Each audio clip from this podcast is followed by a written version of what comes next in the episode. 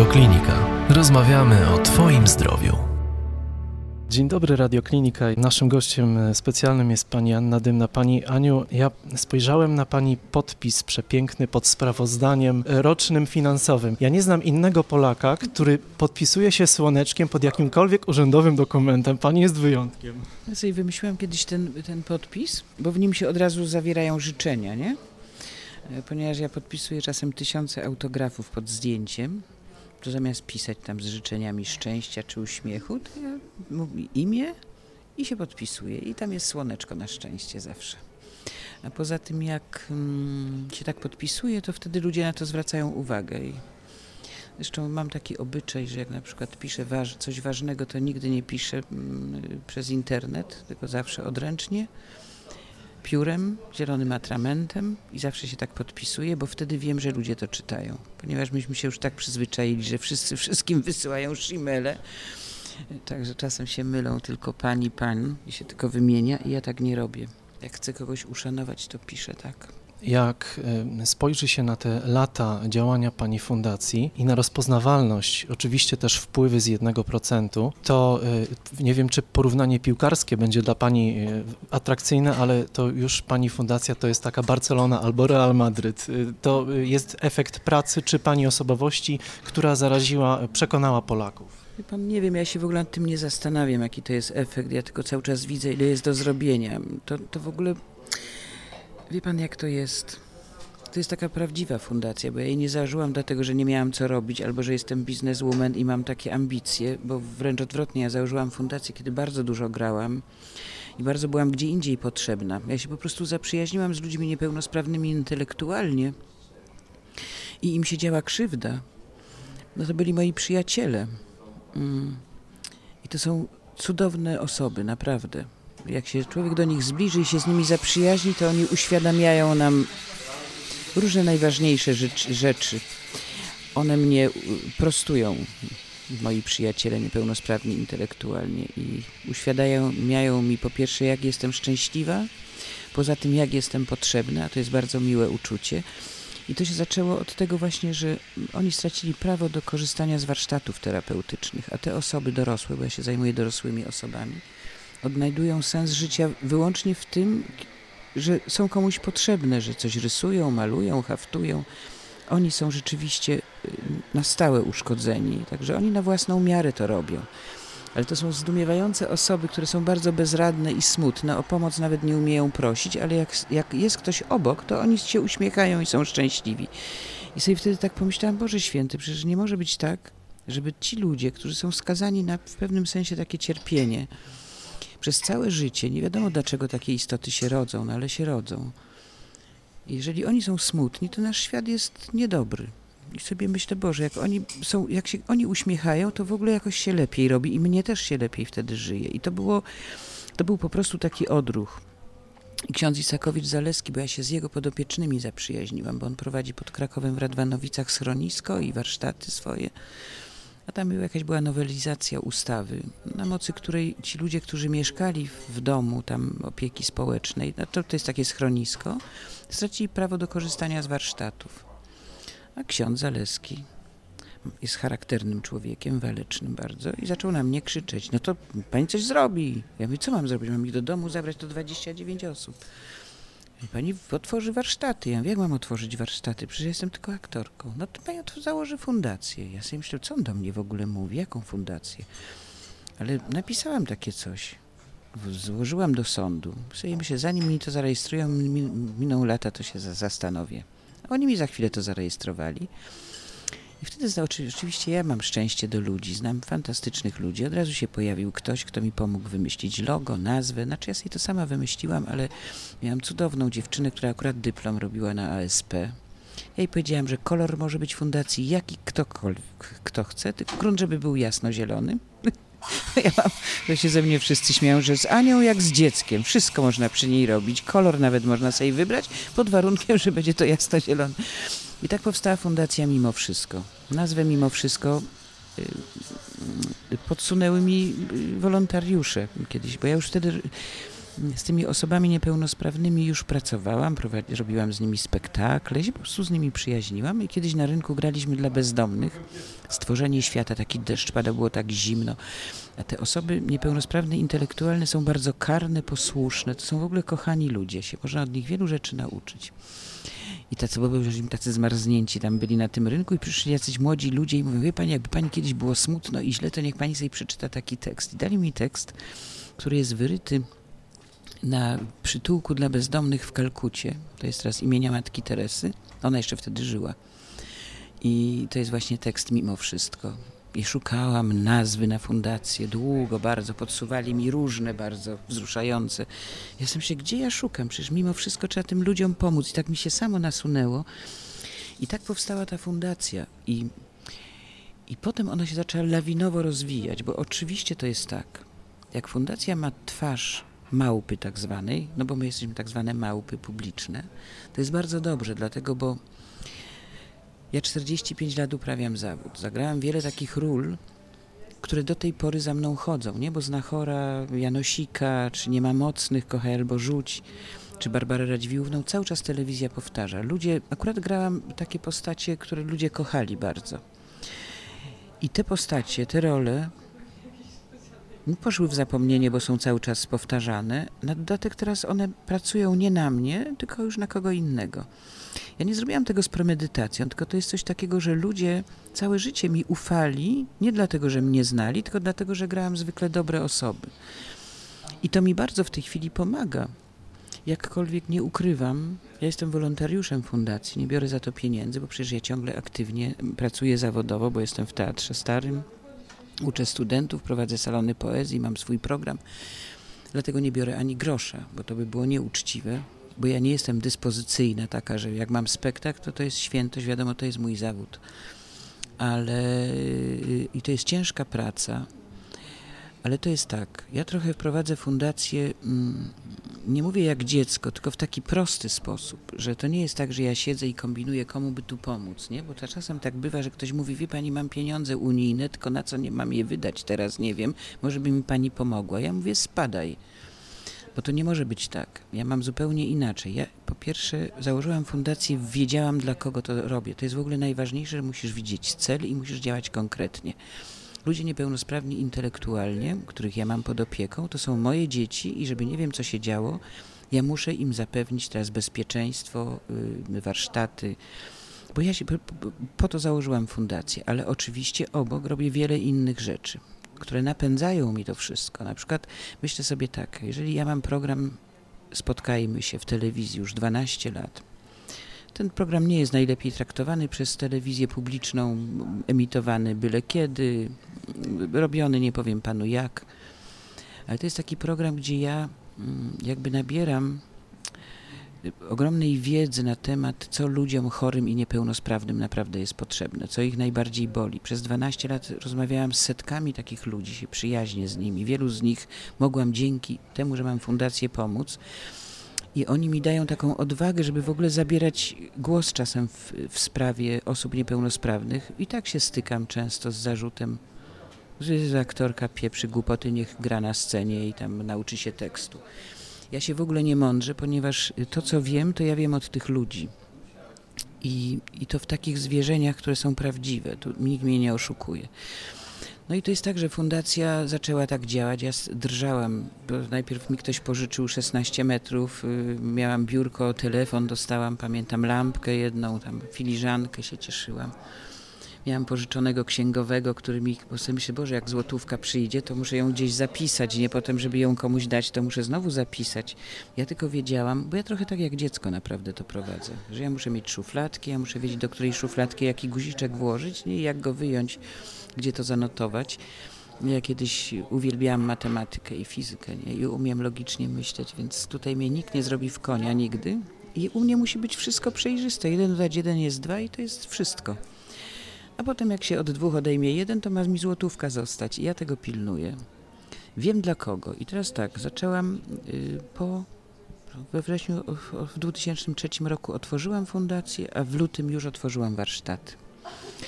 Ktoś mi z góry pomaga, dlatego bo mm, Umarła pani, która tam mieszkała w tym dworku księdza Zaleskiego. Ona podarowała zresztą całą tę ziemię księdzu. I się zwolniło pomieszczenie takie duże. Ja tam dostałam to pomieszczenie y, od księdza i ja tam prowadziłam warsztaty terapii artystycznej i fundacji mimo wszystko. Ja je sama dotowałam i te osoby, które miały być wyrzucone za nawias życia, w ogóle nawet nie wiedziały o tym, że ktoś chciał ich tknąć. A potem to wie pan co? Ja się nauczyłam, całe życie tak miałam, że trzeba mieć marzenia. Co prawda co chwilę słyszę, jak, widzę jak ktoś nam mówi, jak mówi, pukają się po głowie albo mówią, że im kaktusy będą rosły, ale to jest tak jak z salonami poezji. 12 lat temu, 13 lat temu, jak otworzyłam salon poezji w Teatrze Słowackiego, to mówili, wiesz co, ty chyba głupia jesteś, cóż będzie poezji teraz słuchał. A wie pan, że teraz mamy 480 chyba już salon, 76. Już otworzyłam takich 40, nie tylko w Polsce. I ludzie chodzą i słuchają poezji. To samo jest z fundacją. Jak ja mówię, że Jezus Maria tak by się przydało wybudować taki piękny ośrodek, warsztaty terapeutyczne dla tych ludzi. No a dostałam bardzo szybko pożytek publiczny i 1%. I rzeczywiście bardzo dużo, to jest ogromna praca i to jest bardzo trudne i skomplikowane, żeby ludzie ufali ci, żeby nie być egoistą. Ja zresztą byłam w grupie ludzi, którzy wymyślali ten 1%, jak on ma funkcjonować. Jeszcze wtedy nie miałam fundacji. I ja zawsze nawołuję, żeby ludzie wpłacali 1% na fundację, która obok nich działa, że mogą to sprawdzić, że zmienia ich podwórko, że tak powiem. Ale zawsze mówię, jak się komuś podoba to, co ja robię, to żeby może mnie płacić. I ludzie sobie sprawdzają. My mamy bardzo przejrzystą stronę, mamy audyty, ze wszystkiego się rozliczamy. No i, i dumna jestem nawet z tego, że 13 rok jest fundacja, mamy kontrolę i zawsze mamy idealnie wszystko przejrzyście, czysto. Czasem, jeżeli są uwagi, to są tylko takie jakieś techniczne. Dlaczego ustawę interpretowałam na własną niekorzyść? Bo u nas, ja nie wiem jak ci prawnicy, ja nic nie rozumiem z ustaw, które są w Polsce. One są kompletnie nielogiczne, poza tym są do interpretacji, co mnie po prostu zadziwia. Jak może być prawo do interpretacji? To znaczy, że jak ktoś ma zielone oczy, to będzie inaczej miał ustawę, a jak, czy nie, nie wiem o co chodzi. I nie są sprawiedliwe te ustawy i cały czas są jakieś afery, a prawda jest taka, że niestety ciągle jest tak, że ludzie niepełnosprawni. Ja się zajmuję ludźmi, którzy nie rokują, prawda? To są ludzie, którzy nigdy nie będą mądrzy, nigdy nie, nie założą rodzin, nigdy nie będą samodzielni, nigdy nie, nie wrócą do społeczeństwa, znaczy nie będą na, na wolny rynek, na, na rynek pracy. To są tacy straceńcy, nie? Dlatego tak trudno czasem y, ludzi przekonywać, y, daj pieniądze, bo trzeba zmienić ich życie, nie? I powiem panu, że najbardziej przykre rzeczy przez te lata, jakie usłyszałam, to parę razy dziennikarze, skądinąd fantastyczni ludzie, zadali mi pytanie poza kamerą, pani Aniel, niech mi pani szczerze powie, po co pani miliony na tych debili wydaje? Nie lepiej to na jakieś zdolne dzieci wydawać czy coś. Ja wtedy przestaję na chwilę oddychać, nigdy nie odpowiadam na te pytania, bo nie ma odpowiedzi na to pytanie. Ale niestety jest coś takiego, że jak się prowadzi fundację, to na tych ludzi naj, najtrudniej jest zdobywać pieniądze. Dlatego ja, jak udzielam wywiadów, czy jak coś robię, mam ten festiwal Albertiana teatralny, co tutaj w Teatrze Słowackiego już 15 edycja była, bo ja to zaczęłam robić, jak jeszcze nie miałam fundacji. I tam, jak ktoś przychodzi, to jest zdumiony, że ci ludzie wnoszą tyle radości w nasze życie, że to są tak niezwykłe istoty w ogóle, że oni mogą być tacy szczęśliwi. I ja właściwie ciągle tylko o tym mówię. Też mówię, w jaki sposób oni mnie pomagają, bo ja jestem zwyczajnym człowiekiem, mam ciężki zawód. Prze, prze, przecież prze, przebywam całe życie z pięknymi, zdolnymi, wspaniałymi artystami. Uczę studentów wspaniałych a ci ludzie mi to wszystko porządkują. Oni jakby mi pokazują, jaki jest sens prawdziwy w życiu. I ja nie wiem nawet, jak to jest. I pamiętam, że kiedyś się złapałam na tym, że ktoś tam mówi, gdzie jedziesz? Ja mówię, że jadę do Radwanowic po chwilę normalności. I nagle sam się, Jezu, co ja mówię? Jadę do ludzi niepełnosprawnych intelektualnie po chwilę normalności z tego, z tych zawirowań, z tych emocji wszystkich, które tutaj z tych, z, tych, z tych mózgów, które tak komplikują życie, z tych wszystkich nienawiści i napięć. Oni nie umieją nic skomplikować. Oni świat rozumieją sercem. I coś mi się wydaje, że jestem podobnie sk- skonstruowana, więc jak mój syn kiedyś powiedział, matka, wiesz, dlaczego oni cię tak lubią, bo ty jesteś taka sama jak oni. Najpierw powiedziałam, co ty mówisz do mnie? On się śmieje, mówi, matka, no bo ty też taka jesteś, że zawsze prawdę mówisz, że zawsze powiesz, co myślisz. Oni są dokładnie tacy sami. Więc może przez to mi są bliscy, ale bardzo dużo się od nich nauczyłam. No ale tak to z fundacją jest. Teraz pan widzi jeszcze, mm, ta fundacja nabrała takiego rozpędu, bo tak, bo ja to robię naprawdę i my naprawdę to robimy. To nie jest tak, że, że coś mi się znudzi. Ja jestem wolontariuszem, mnie się to nigdy nie znudzi, bo gdybym dostawała za to jakieś pieniądze, to może bym po dwóch latach powiedziała, dosyć nie, za te pieniądze nie będę robić w tym, bo to jest za trudne. Praca w fundacji wymaga pracy 40 godzin na dobę, gdyby mogła doba mieć, też by było za mało. Ja fundację w tej chwili musiałam bardzo dobrze zorganizować, bo zorientowałam się, że tak, dobry odruch, taki hmm, dobrego człowieka to jest początek wszystkiego. Uśmiech i to, że chcesz komuś pomóc. Ale to jest za mało, to trzeba wszystko zorganizować i musisz mieć fachowców, musisz mieć prawników, księgowych, musisz to mieć po prostu, bo bez tego mm, nie będziesz prawidłowo y, pomagać i prowadzić fundacji. A pomocy wymaga, Jezus, tyle ludzi czeka na pomoc. Jak się ma taką fundację, do nas piszą ludzie z całej Polski. Nie czytają, że, czym my się zajmujemy. Tylko wszystko jedno, mam raka, obcięło mi nogę, mam padaczkę, nie wiem, y, y, piję, jestem uzależniony od, od... Wszyscy do nas ludzie, jestem bezdomny. I to jest największy problem fundacji, mój w każdym razie, bo musisz wszystkim nie pomożesz. Jakbym chciała wszystkim pomóc, na drugi dzień bym rozwiązała fundację, by się rozpadła. Ja muszę mieć priorytety, więc trzeba bardzo dokładnie wiedzieć, co jest najważniejsze. Które projekty są? Ja mam cykliczne projekty. Mam festiwal zaczarowanej piosenki, bo też sobie pomyślałam, że, że jakby ja bym najbardziej chciała, żeby, żeby w Polsce się, to jest taka praca u podstaw, żeby ludzie sobie uświadomili, że jak ktoś jest niepełnosprawny, tak się go nazywa, to w żaden sposób nie jest gorszy od nas. On jest w trudniejszej sytuacji, bo na przykład jest sparaliżowany, albo nie ma nóg, albo nie widzi, nie? Natomiast w środku to jest taki sam człowiek jak my. Ja to, tego się dowiedziałam bardzo szybko w tym programie moim, nie? Jak rozmawiam ze z tymi ludźmi. To są cudowni ludzie. Oni mają utrudniony dostęp do normalnego życia i do szczęścia, natomiast, przepraszam, im się to bardziej należy czasem niż nam. To są często fantastyczni ludzie, nawet tacy z porażeniem mózgowym, którzy wyglądają jak tacy, co to nic nie rozumieją. W środku są często inteligentniejsi ode mnie.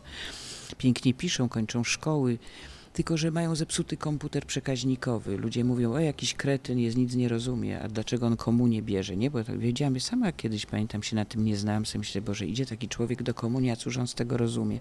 To on w środku myśli tak jak my, tylko że wygląda inaczej. Znaczy ja, ja już w tej chwili, no, musiałam chcąc nie chcąc poznać się na różnych niepełnosprawnościach i jedną wiem, że po pierwsze to słowo jest źle używane. Nie wiem, czy pan widział moje kampanie, jak ja robię kampanie jednoprocentowe. Wymyślałam tak filmy takie, już teraz zrobiłam piąty, gdzie wymyśliłam sobie jedno zdanie na początku, że są takie chwile, kiedy nie możesz sobie sam w życiu poradzić, bądźmy razem. I zawsze robię tak, że to osoba niepełnosprawna tak zwana pomaga osobie, pierwsze to było z Maćkiem Szturem, co on się chciał napić wody, a ręce miał z tyłu i nie mógł się napić i zębami i nogami, wylewało mu się. A Ania Krupa, taka co się bez rąk urodziła, nogami umie haftować, pisać i ona mu pięknie to nalała i to był taki 30-sekundowy pierwszy film. Potem drugi z Majką Ostaszewską, że zawiązała se oczy i chciała przejść po takim podwórku, się wywracała w śnieg, a tam niewidomy siedział i ją przeprowadził, no bo on umiał. Trzeci filmik był piękny, dlatego bo był z niepełnosprawnym intelektualnie i z Anią Cieślak, nie? Że Ania Cieślak mm, płakała tak strasznie gdzieś tam przy stoliku, a taki seszedł niepełnosprawny Łukaszek intelektualnie w Galerii Krakowskiej kręciliśmy to. I zobaczył takiego lizaka, bo oni są łasuchy straszne. Sobie odliczał pieniążki, bo Łukasz umie liczyć i ten, i sobie kupił tego lizaka, tak się cieszył, że będzie jego i zobaczył, że ktoś płacze i mu dał tego, dał Ance tego lizaka i Anka w ogóle zgłupiała się, uśmiechnęła i w ogóle y, wszystko się jej zmieniło. A w tym roku Antek Pawlicki się zgodził, się cieszy i tam jest, że Antek biegnie, nie, jogging uprawia, a mój podopieczny, taki co wygrał festiwal zaczarowanej piosenki, ma dystrofię mięśniową, jedzie na wózeczku sobie. On śliczny chłopak, jest wesoły. Takich dwóch młodych chłopaków. Jeden biegnie, drugi jedzie taki montaż równoległy. On teraz idzie ten filmik.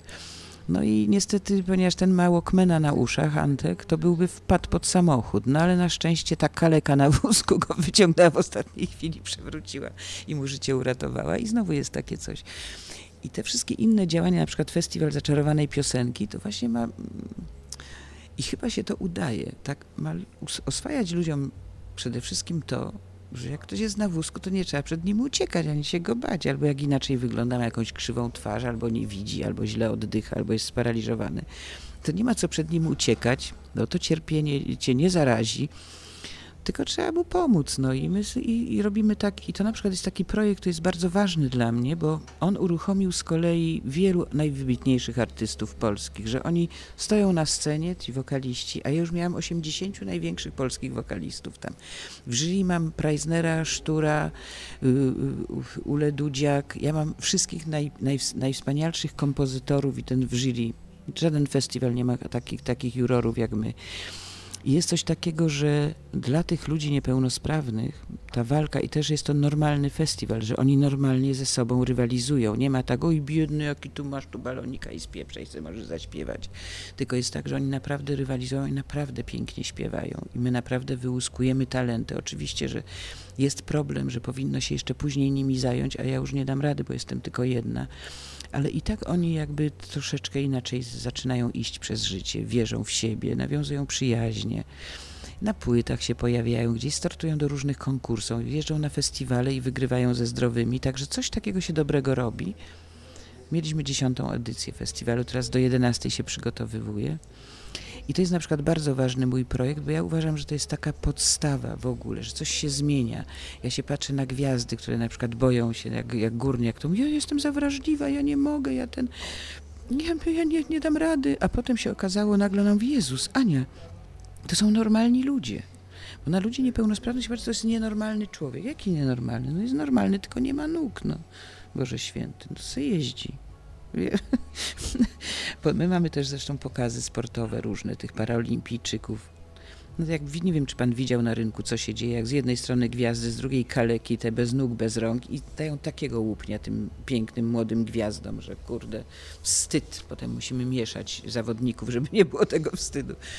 I, to jest, I teraz od jakiegoś czasu też robię taki kon koncert w niedzielę, bo też mi telewizja to emituje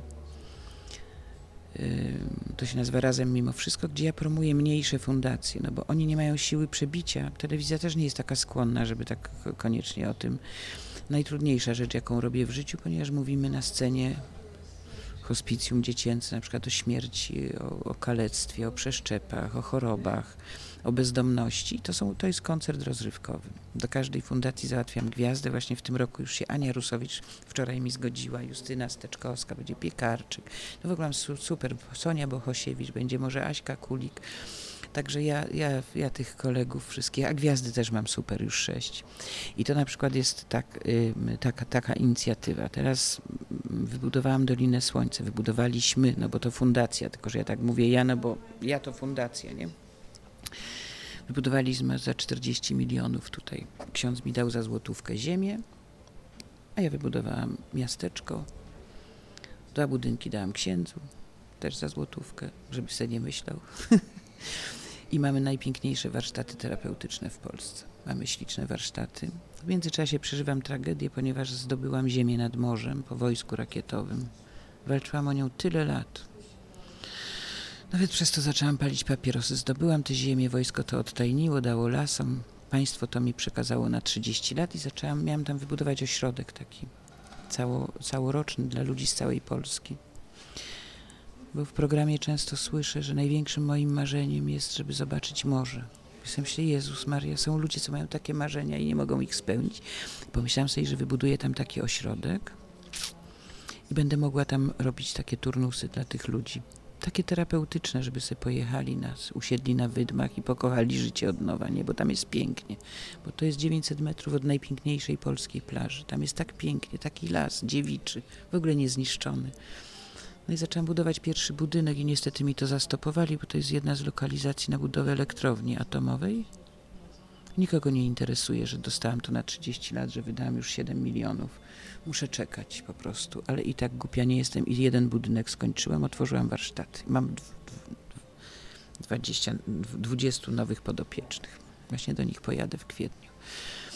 I tak sobie myślę, że nawet jeżeli ta elektrownia będzie za 10 lat, za 20, to i tak już ten budynek tym ludziom służy. Mają piękne warsztaty, mają piękne warsztaty kulinarne, ogromną kuchnię, koło gospodyń wiejskich im pomaga, komputerową mają pracownię. Nawet kilka osób przyjechało na festiwal Albertiana stamtąd. No i to były osoby, które pierwszy raz w życiu jechały pociągiem, pierwszy raz wyjechały z miasteczka swojego, bo to jest w gminie Choczewo nad morzem.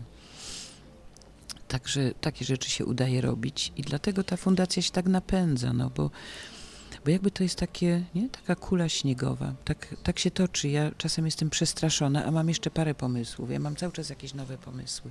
Otworzyliśmy spółdzielnię socjalną, która promuje sztukę osób niepełnosprawnych, żeby można było sprzedawać ich bo się okazało, jak wybudowałam warsztaty, że się zmieniła ustawa, jak wybudowałam coś z jednego procenta, nie wolno mi niczego sprzedawać, co jest na warsztatach robione.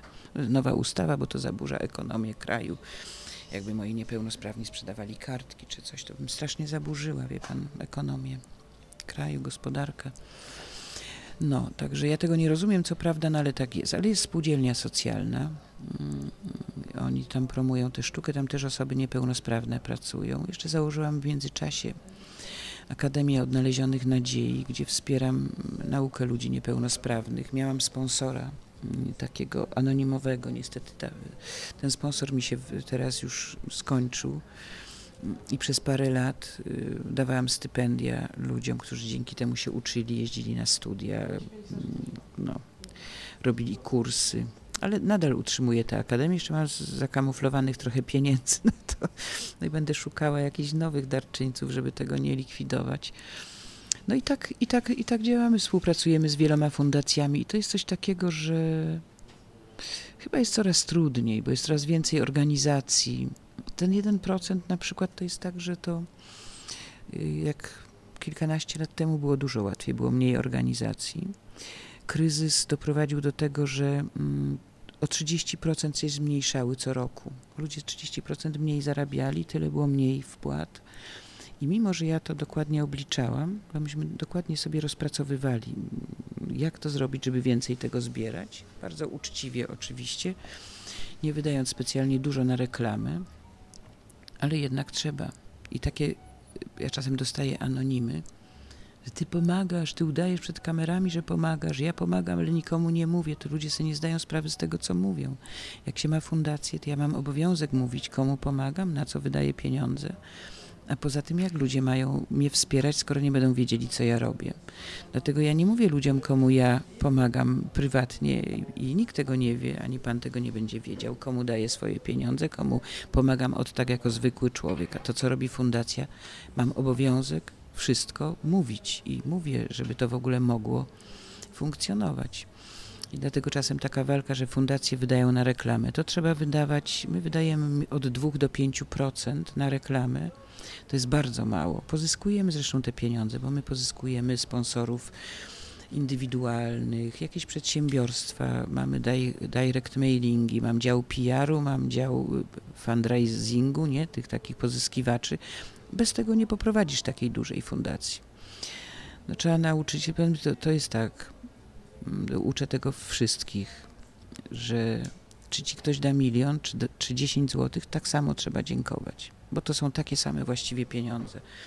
Ja dokładnie kiedyś uczyłam biznesmenów i, i udowadniałam, że 100 złotych i milion to jest dokładnie to samo i mi uwierzyli, bo to jest dokładnie to samo, ponieważ mnie wspierają raczej ludzie ubodzy i średnio zamożni. Tak milionerów specjalnie koło mnie się nie ma wielu, ale mnie wspierają i, i, i ten milion, co ma milioner, jest tyle samo wart, co te 100 złotych, co dostaje od tych biednych, ponieważ ich jest więcej i oni po prostu Dlatego mam takie hasło, twój 1% ma siłę milionów. Bo, bo każdy 1%, nawet wie pan, ja najmniejszą wpłatę to miałam coś złoty 30 czy coś takiego. Ludzie niektórzy mają, tak mało zarabiają i wpłacają mi te pieniądze. Kiedyś było mm, fajnie, bo ja miałam kontakt z darczyńcami, wiedziałam dokładnie, kto mi wpłaca. Teraz to jest automatycznie i straciliśmy taki bezpośredni kontakt, jakkolwiek wszystkim dziękujemy oczywiście co roku. Ja zresztą na początku każde, każde podziękowanie sama podpisywałam, ale jak już było parę tysięcy, to już wymiękłam i już miałam taką faksymilkę mam. No a teraz to już idzie w takie tysiące, że... Ale wszystkim wysyłamy. Bo tak zawsze liczę na to, że może jak ktoś dostanie podziękowanie, to jeszcze powie ciotce, żeby też spłaciła. Ale to nic na siłę. Ja, ja mówię do fundacji, że trzeba spokojnie, trzeba spokojnie, nie spazmatycznie. My nie działamy tak jak Owsiak, że mamy jeden dzień i, i ten, jakkolwiek go podziwiam, bo on jest mistrzem rzeczywiście działania. Ja, ja od początku gram z orkiestrą, także jestem... Zresztą jak zakładałam fundację, to była mu Jurka, żeby mi poradził, żeby mi powiedział, co mnie czeka, co jest największym zagrożeniem i powiedział mi bardzo ważne rzeczy. Bo my się zresztą przyjaźnimy wszyscy. Ja z Janeczką Ochojską się przyjaźnię, z Ewą Błaszczyk, z, z Jędrkiem i pomagamy sobie. Ja zresztą tak mm, może czasem działam na niekorzyść mojej fundacji, ale już nauczyłam i dyrektorkę fundacji i wszystkich, jak na przykład są choinki jedynki, nie? Oni robią taką fajną akcję przed świętami, że dzieci malują święta, tam zimę, coś tego, jest konkurs rysunków, jest aukcja. Teraz w to wszystko jeszcze weszły gwiazdy, nie? Ja też coś tam zawsze lepię. Jest aukcja. I zbiera się pieniądze i to wcale nie są małe pieniądze, bo to jest zawsze kilkadziesiąt tysięcy. I ja poprosiłam dyrektora jedynki radiowej, czy on by się nie zgodził, że ja będę zawsze połowę dawała małej fundacji. I w tamtym roku dawałam takiej fundacji EB, to jest kruchy dotyk się nazywa, to są ludzie chorzy na taką genetyczną chorobę odklejania na skórka, oni wyglądają jak trendowaci. To strasznie i to są bardzo chorzy ludzie. Ja znam zresztą tego szefa, bo on był u mnie w programie, potem założył tę fundację. I oni dostali w tamtym roku, a w tym roku Jędruś Brandstetter ma fundację ProArtis, robi wierchowe spotkania. Mamy w sumie wspólnych podopiecznych. Jędrek ma SM, jest na wózku. To, jest, to są moi mistrzowie w ogóle. No i możemy się tak wspierać. Także, że ja zawsze się dzielę. Tam, gdzie to jest nagłośnione, to ja się wtedy dzielę, bo wtedy przy okazji o tych fundacjach się mówi. Tak samo na rynku. Ja bym mogła robić sobie koncert do swojej fundacji, ale sobie myślę, to nie ma żadnej, że to, to, to nie Robiłam kiedyś koncer taki koncert niedzielny o problemach ludzi niepełnosprawnych, ale jest dużo fajnie, jak się pokazuje, jacy fantastyczni ludzie w Polsce są, jak pomagają innym, jakie są fundacje i zawsze jedną biorę o zwierzątkach. W tym roku mam taką fundację 2 plus 1 z Wrocławia, adopcja psów. Dlatego, bo trzeba też o młodszych braciach, mniejszych braciach pamiętać. No i tak, wie pan, to jest tyle roboty, a jeszcze jak ja się kładę, a nie mogę spać nigdy, bo jestem tak zmęczona, że nie mogę spać to wie pan, co mi po głowie łazi? Ile rzeczy jeszcze można zrobić? Ile rzeczy jest potrzebnych? Także, że jak pan mówi o tym, że to ma taki napęd, no ma napęd, bo to jest tak potrzebne. Oczywiście, że ja za to ciężko płacę, bo po pierwsze, jakby przestało się o mnie mówić jako o aktorce, więcej się mówi o mnie jako o, o kimś, kto prowadzi fundację, mimo że ja bardzo dużo gram. Ale po pierwsze, ja mam 63 lata.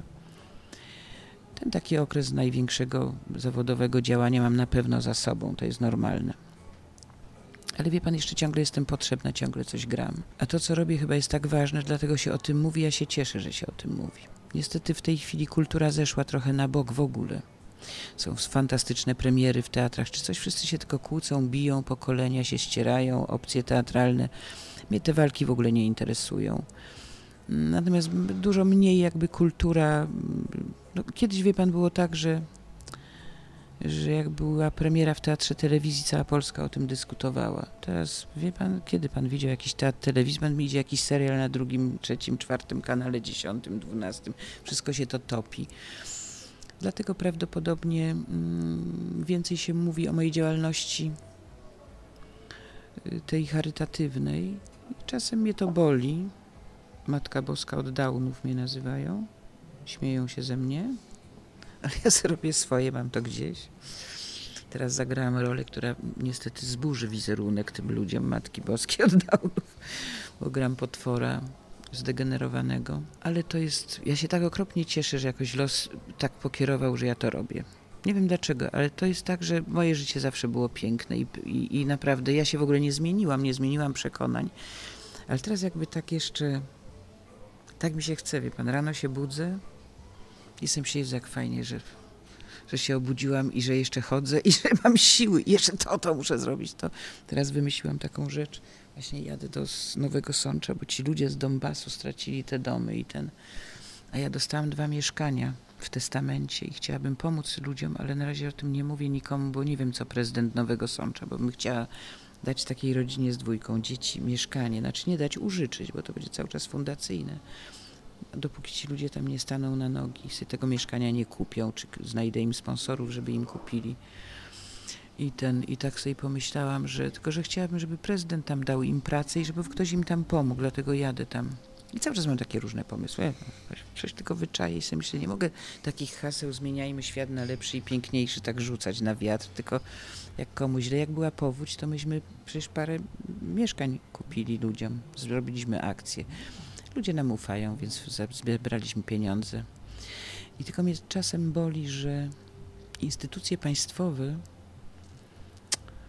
y, traktują fundacje często jak rywali, jak wrogów. Ja tego w ogóle nie pojmuję. Pytam się czasem ministrów, jak mam okazję z nimi rozmawiać, dlaczego to tak jest? Przecież ja jestem zwyczajnym obywatelem. I ja pomagam tam, tam gdzie jest całkiem ciemno, zapalam małe światełka, bo akurat sprawia mi to przyjemność może. No dajmy na to, że robię to dla siebie. No niech będzie, bo nie wiadomo dlaczego. Uruchamiam jeszcze y, y, innych ludzi, daję im pracę. Ja mam 65 pracowników teraz już. Przecież to jest całe wielkie przedsiębiorstwo. A i tak często jest, y, jesteśmy tak traktowani, jakbyśmy kradli, jakbyśmy robili coś złego. Wybudowałam ogromny ośrodek. To jest dla ludzi niepełnosprawnych. Państwo by długo takiego ośrodka nie wybudowało. I ja przecież nie mówię i nie rozliczam państwa, dlaczego tego nie zrobiło. To jest przykre, ale powiem panu, że zbieram sobie takie perełki, bo ja o złych rzeczach zapominam. I nie chcę mówić o tym, dlaczego się tak traktuje. Dlaczego ja nagle, że nikt się z nami nie liczy tak naprawdę. Tego nie chcę. Natomiast jak była powódź, to na przykład burmistrz Sandomierza, wiedząc o tym, że my chcemy pomagać, razem z nami kupił jedno mieszkanie. I to była dla mnie taki dzień radości. Sam się Jezus Maria, nie, on trochę mniej dał pieniędzy, ale to nieważne. Ja sam się, ja wreszcie się czuję, że jestem w cudownym kraju mieszkam. Że ktoś razem z fundacją jakiś docenił to, że tego dopłacił i, i komuś żeśmy uratowali. To był piękny dzień i czasem się takie dni zdarzają. No i może będą, będzie ich więcej, może, nie wiem. Więcej audycji na stronie radioklinika.pl